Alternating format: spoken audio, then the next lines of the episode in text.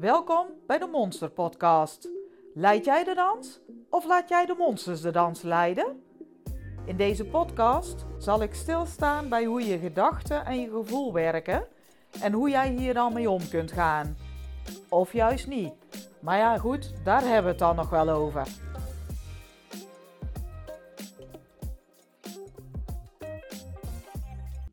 Deze monsterpodcast gaat over je thuis voelen. Want het is best handig om te weten waar en wanneer jij je thuis voelt.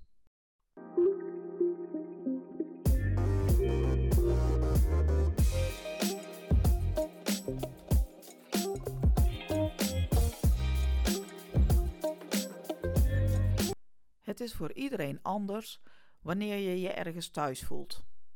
Maar ja, wanneer voel je je nu echt thuis? Als ik kijk naar mezelf en de omgeving waar ik woon, kan ik zeggen dat ik me pas hier echt thuis voelde sinds dat we een paar maanden naar Australië geweest waren.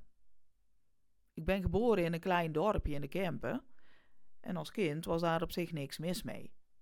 Als alleen dat ik op een boerderij woonde en nogal een stukje van de bewoonde wereld af was, zeg maar. Hierdoor kon ik niet overal zomaar vrij heen. Ik bedoel hiermee uh, dat ik of niet mocht, of ze me moesten brengen of halen. En dit laatste was jammer genoeg ook echt heel vroeg als ik op stap ging. Het leven op de boerderij was ook wel leuk. Er was veel ruimte, veel vrijheid. Je kon veel bouwen, klimmen en al die dingen meer. In de puberteit werd dat wat vervelender. Overal ver vanaf wonen, het ons kent ons gevoel van een dorp, stond me wel wat tegen.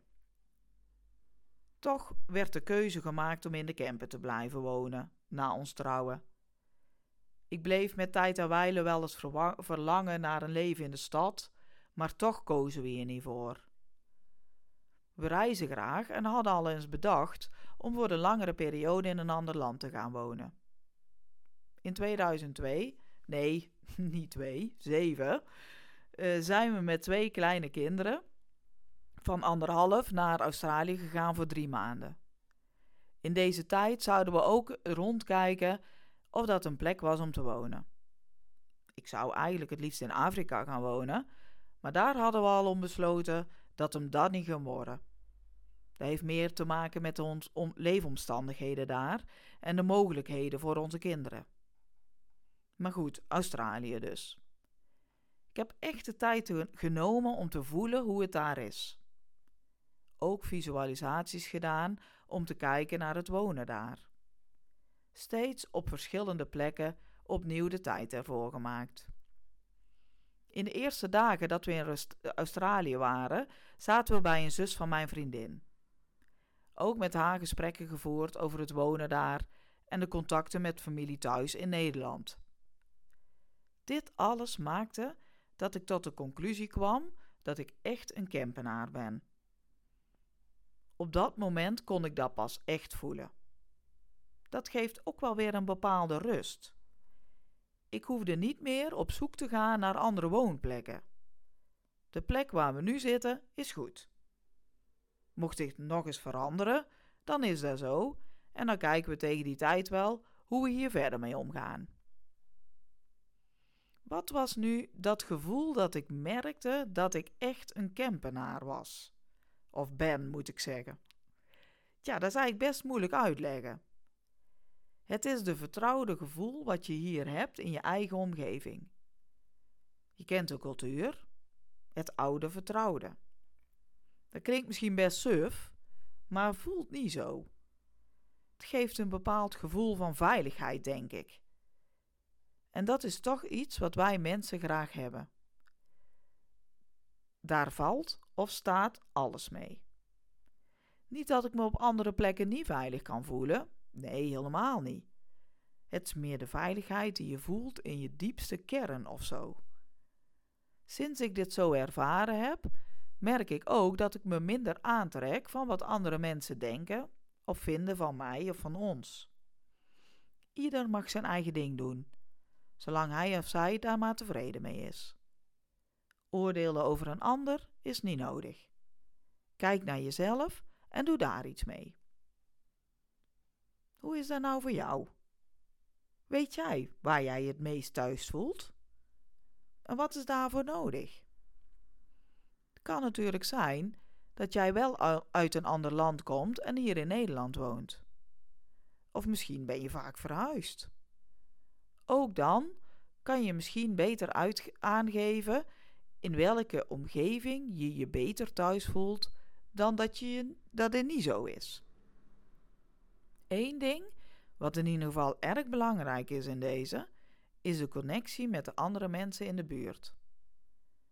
Als er mensen zijn waar je mee kunt kletsen, of waar je jezelf mag zijn, dan zul je je sneller thuis voelen dan bij mensen die weinig tot niets tegen je zeggen. Je weet ook hoe mensen met elkaar omgaan. Veel voorkomende geluiden herken je. Je weet wat de bedoeling is. En het voelt goed allemaal voor jou. Dit heeft dan weer te maken met dat gevoel van veiligheid waar ik het eerder over had. Dat je even niet zo alert hoeft te zijn wat er in de omgeving gebeurt. Je kunt vertrouwen op de mensen om je heen. En als laatste, een plaats waar je kunt ontwikkelen naar wie je wil zijn, zonder oordelen van een ander. Nu kan het ook zijn dat je niet zo'n groot gevoel van thuis ervaart. Dit kan met allerlei zaken te maken hebben. Er zijn bijvoorbeeld veel geluiden in je omgeving, zodat er weinig rust is. Of er is veel ruzie thuis. Of je hebt het idee dat mensen je altijd nakijken. Het kan van alles zijn. Toch denk ik dat er altijd ergens een plekje is waar jij je wel thuis voelt. Al is het maar verstopt onder een dekentje in je slaapkamer. Dit is misschien wel niet de meest ideale plek, maar wel voor jou de meest veilige plek. En kun je dan ook aangeven wat deze plek je voor gevoel geeft? Waar het mee te maken heeft dat je je daar zo lekker voelt? Probeer dit zoveel mogelijk te filteren. En het mag ook een plek buiten huis zijn, hè? Bijvoorbeeld naast de rand van een watertje of bovenaan de duinen. Maakt allemaal niet uit. Benoem wat jouw zo'n thuisgevoel geeft. Kom je erachter dat je het eigenlijk allemaal niet zo goed weet? Kom dan eens naar me toe voor een gesprekje. Dan kijk ik of we samen met jou een meer thuis kunnen laten ontstaan. En voor nu denk ik dat het wel voldoende is. En ik zou zeggen, doe de monsters maar weer de groeten.